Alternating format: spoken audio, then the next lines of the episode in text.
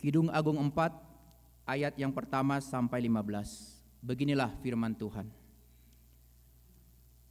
Lihatlah, cantik engkau manisku, sungguh cantik engkau. Bagaikan merpati matamu di balik telekungmu. Rambutmu bagaikan kawanan kambing yang bergelombang turun dari pegunungan Gilead. Gigimu bagaikan kawanan domba yang baru saja dicukur, yang keluar dari tempat pembasuhan.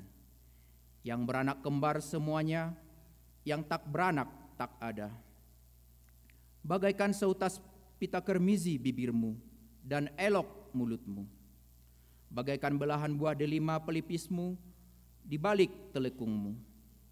Lehermu seperti menara Daud, dibangun untuk menyimpan senjata. Seribu perisai tergantung padanya, dan gada para pahlawan semuanya. Seperti dua anak rusa buah dadamu, seperti anak kembar kijang yang tengah makan rumput di tengah-tengah bunga bakung. Sebelum angin senja berembus dan bayang-bayang menghilang, aku ingin pergi ke Gunung Mur dan ke Bukit Kemenyan. Engkau cantik sekali, manisku, dan tak ada cacat celah padamu. Turunlah kepadaku dari gunung Libanon, pengantinku. Datanglah kepadaku dari gunung Libanon. Turunlah dari puncak Amana, dari puncak Senir dan Hermon, dari liang-liang singa, dari pegunungan tempat macan tutul. Engkau mendebur, mendebarkan hatiku, dinda pengantinku, Engkau menebarkan hati dengan satu kejapan mata, dengan seuntai kalung dari perhiasan lehermu. Betapa nikmat kasihmu, dinda pengantinku, jauh lebih nikmat cintamu daripada anggur, dan lebih harum bau minyakmu daripada segala macam rempah. Bibirmu meneteskan madu murni, pengantinku, madu dan susu ada di bawah lidahmu, dan bau pakaianmu seperti bau gunung Libanon. Dinda pengantinku, kebun tertutup engkau, kebun tertutup dan mata air termeterai. Tunas-tunasmu merupakan kebun pohon-pohon delima dengan buah-buahnya yang lezat, bunga pacar dan narwastu, narwastu dan kunyit, tebu dan kayu manis dengan segala macam pohon kemenyan, mur dan gaharu, beserta pelbagai rempah yang terpilih.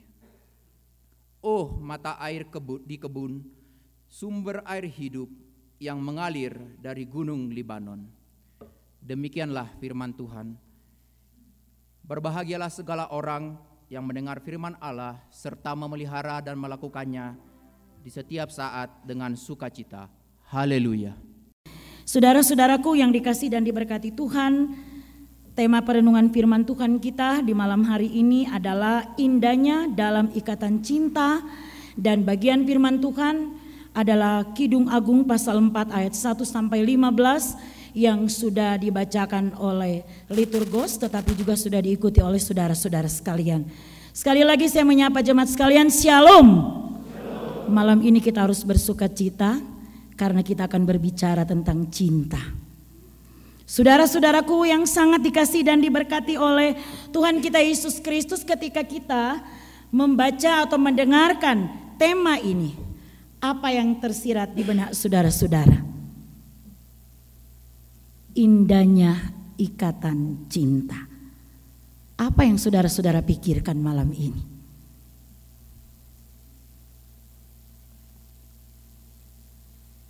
Anak muda boleh jawab. Ada yang anak muda di sini?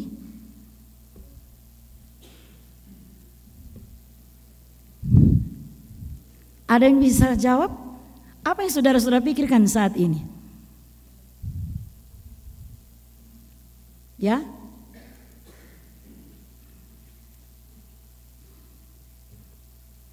Cinta adalah satu kata, tapi juga kata ini akan menjadi hidup ketika cinta ini dimiliki oleh sepasang manusia laki-laki dan perempuan.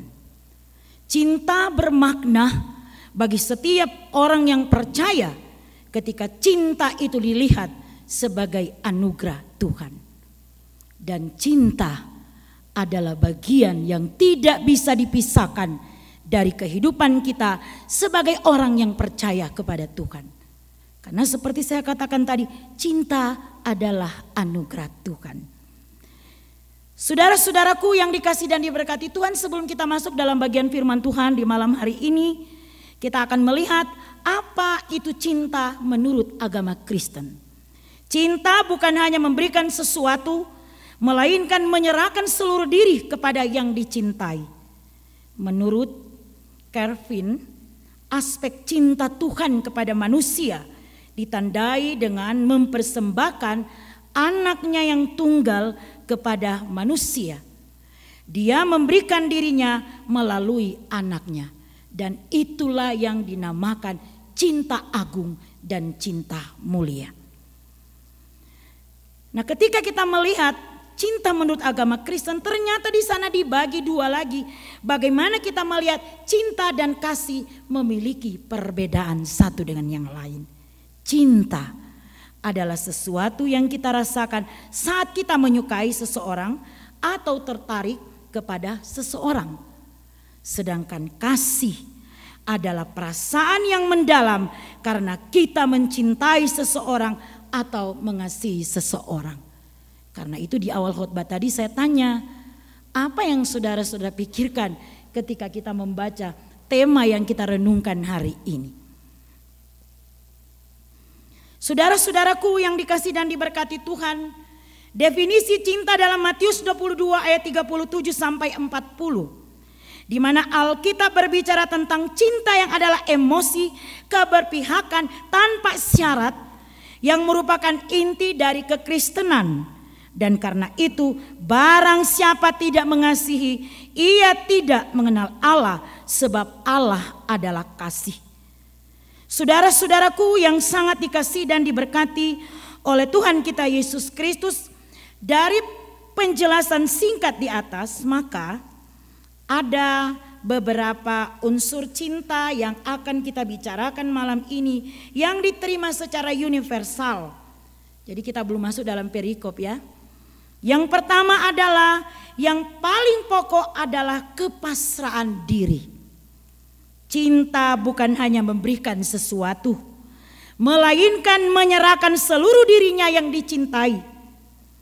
Dan aspek cinta Tuhan itulah yang diberikan kepada manusia dan ditandai dengan mempersembahkan anaknya yang tunggal kepada manusia dan memberikan dirinya kepada anak itu sendiri. Aspek yang kedua adalah cinta tidak pernah statis. Seorang pencinta tidak akan menyerahkan dirinya kepada dan kemudian berdiam diri. Dikatakan bahwa seseorang meninggalkan dirinya dengan cinta dan hidup bersama dengan yang dicintainya. Hal yang ketiga adalah ketika adalah cinta adalah mengubah. Cinta membuat sang pencinta berusaha selalu menyenangkan yang dicintainya. Dan cinta seorang hamba kepada Tuhan mengubahnya menjadi orang beriman yang sejati. Saudara-saudaraku yang dikasih Tuhan, Ketiga ciri tersebut melekat pada diri seorang pencinta dan karena itu dia sendiri memasrahkan diri kepada orang yang dicintainya. Karena hidup tanpa cinta adalah ada yang bisa jawab? Berarti saudara-saudara tidak ada cinta ya. Hidup tanpa cinta adalah hampa. Saudara-saudaraku yang sangat dikasih dan diberkati oleh Tuhan kita Yesus Kristus, cinta inilah yang selalu mendorong pencinta atau saya dan saudara untuk berbuat sesuatu yang menyenangkan bagi orang yang kita cintai, terutama menyenangkan hati Tuhan yang menciptakan cinta itu sendiri. Dalam ranah historis terdapat pemahaman cinta dalam perjanjian baru yang bersifat Helenistik. Di mana pemahaman Injil tentang cinta yang disimpulkan dalam cinta atau kasih agape merujuk kepada konsep platonisme tentang eros itu sendiri. Meskipun cinta eros kerap dipahami sebagai hasrat dan nafsu seksual, tapi makna religius, klasik dan filosofis adalah berbicara tentang dinamisme jiwa yang melampaui segala atau hasrat ideal untuk memperoleh kebaikan spiritual dan intelektual yang tinggi. Pertanyaan bagi kita malam ini, pernahkah Anda merasa jatuh cinta kepada seseorang yang belum nikah dulu? Pernahkah Anda merasa jatuh cinta kepada seseorang yang belum nikah dulu? Jawab. Pernah ya supaya cepat dapat jodoh. Dan bagi yang sudah menikah, apakah saudara sudah tetap jatuh cinta kepada pasangan hidup saudara-saudara? Tetap jatuh cinta ya supaya cinta itu tidak hilang. Saudara-saudaraku yang sangat dikasih dan diberkati oleh Tuhan kita Yesus Kristus karena itu apabila saudara sudah mengatakan saudara-saudara pernah jatuh cinta, saudara sudah tetap jatuh cinta, inilah yang dirasakan oleh tokoh yang ada dalam Alkitab yang menjadi bagian firman Tuhan kita di malam ini di mana dituliskan bagaimana ia merayu, ia memuji pasangan yang ia sukai dan karena itu tema tentang cinta dan kesetiaan yang benar merupakan bagian dari tema utama yang tersirat di dalam Alkitab yang dicatat oleh Salomo yaitu Kidung Agung. Raja Salomo mengakui bahwa cinta dan kesetiaan yang sesungguhnya tidak dapat dibeli dengan apa pun. Kidung Agung 4 ayat 1 sampai 15 di situ dirangkum tentang konsep rayuan sang raja yang ditujukan untuk menaklukkan hati. Jadi kalau kita baca ya, bagian firman Tuhan kita di malam ini ayat 1 sampai ayatnya yang ke-15 kita melihat bagaimana Raja Salomo ibaratnya seorang mempelai laki-laki dan perempuan Sunen ini adalah mempelai perempuan. Ini konteks Salomo dulu ya. Dia memuji perempuan itu dari ujung rambut sampai ujung kakinya. Kalau kita lihat bagaimana Salomo memuji-muji perempuan ini. Dan saudara-saudaraku yang sangat dikasih dan diberkati oleh Tuhan kita Yesus Kristus, inilah sikap seseorang yang jatuh cinta. Jadi ketika seseorang jatuh cinta yang buruk pun tidak dilihat ya. Tidak ganteng pun dibilang ganteng. Yang gak cantik pun dibilang cantik karena sudah jatuh. Jatuh apa? jatuh cinta. Nah saudara-saudara, karena itu dikatakan bahwa ketika seseorang merasa jatuh cinta, entah itu kepada seseorang atau barang kesukaannya atau pekerjaannya, pasti orang itu mengusahakan segala cara untuk mendapatkan keinginannya. Dan pertanyaan kedua bagi kita malam ini, sudahkah kita merasakan indahnya jatuh cinta kepada Tuhan Yesus Sang Juru Selamat kita? Kalau tadi sahabat saudara-saudara dalam konteks duniawi, kedagingan, sekarang sahabat saudara dalam konteks rohani. Sudahkah saudara merasakan indahnya jatuh cinta kepada Tuhan? Saudara-saudara rasakan itu? Kalau tidak rasakan percuma kita ibadah malam ini. Saudara-saudaraku yang dikasih dan diberkati Tuhan, saat itu ketika kita ingin dapat terus berhubungan dan berkomunikasi dengan Yesus, maka di situ kita akan merasakan bagaimana hubungan intim kita dengan Tuhan. Segala perasaan kita kita sampaikan kepada Tuhan. Sebab sudah sepatutnya kita mencintai dan mengasihi Tuhan kita. Bukan dengan jatuh cinta kepada hal-hal yang duniawi, yang akan membuat kita semakin jauh terpisah dari Tuhan. Jadi jangan jatuh cinta kepada lawan jenis kita dan karena jatuh cinta itu kita lupa cinta Tuhan. Jadi harus sama-sama ya.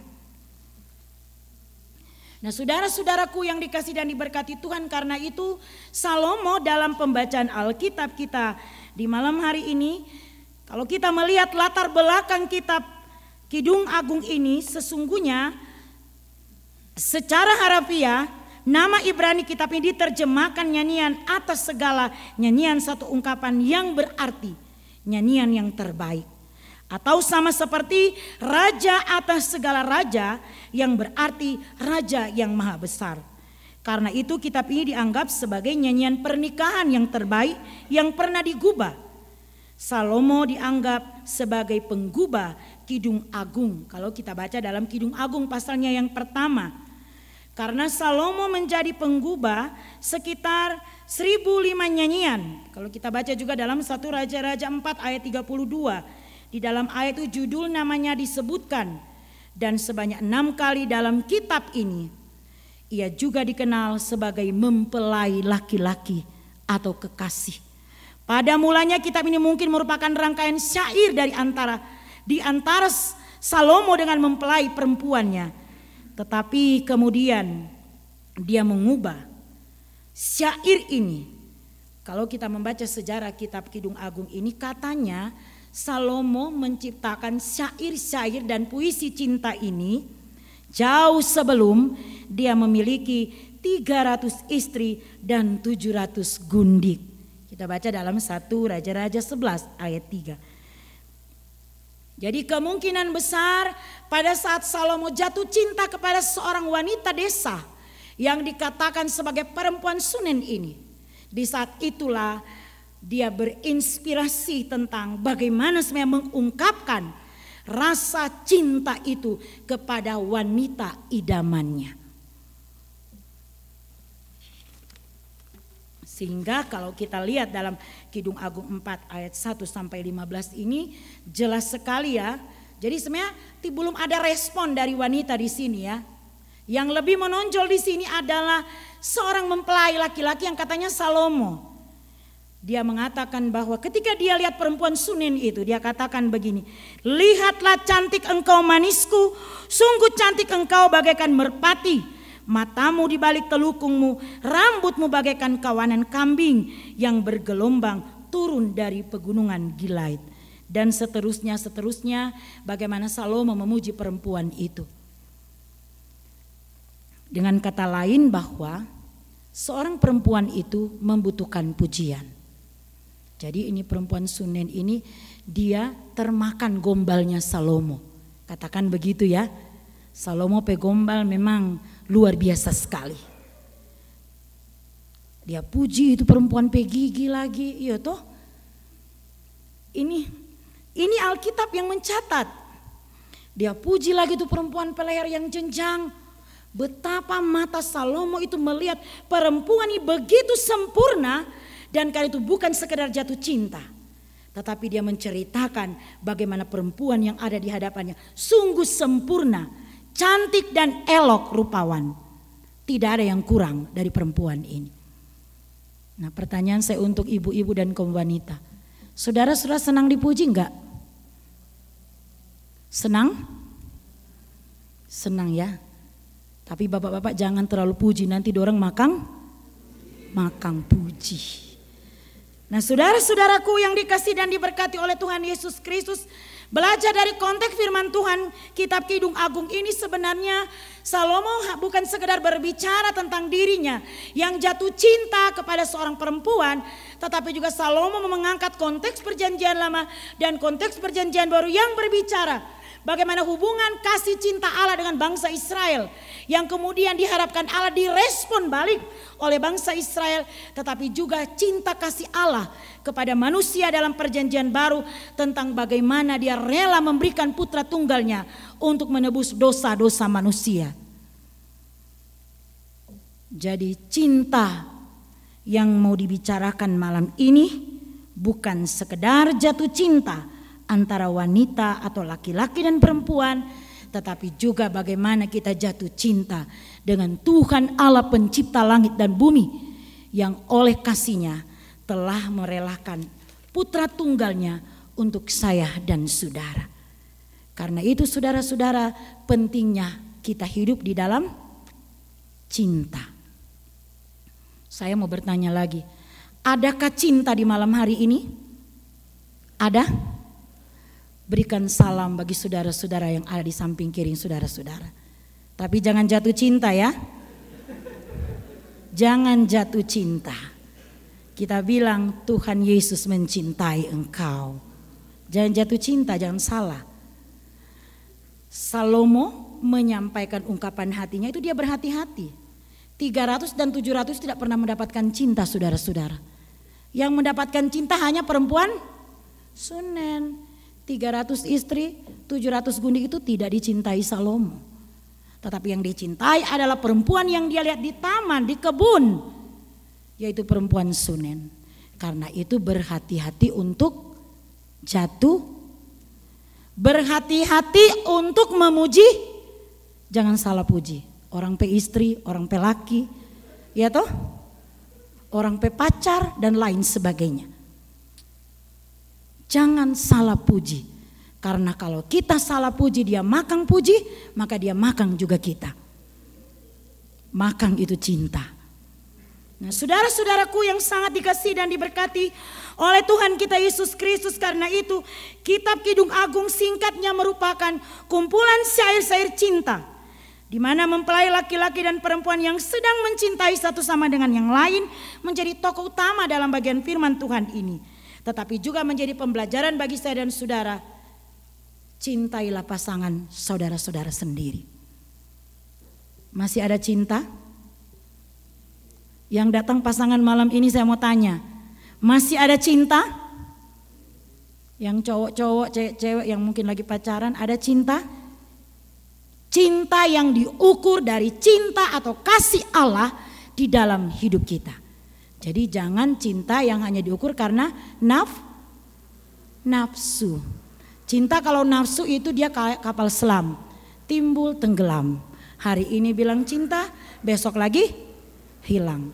Tetapi bangunlah hubungan cinta kasih itu di dalam cinta kasih Tuhan kepada saya, tapi juga cinta kasih Tuhan yang menggerakkan kita untuk mencintai satu dengan yang lain.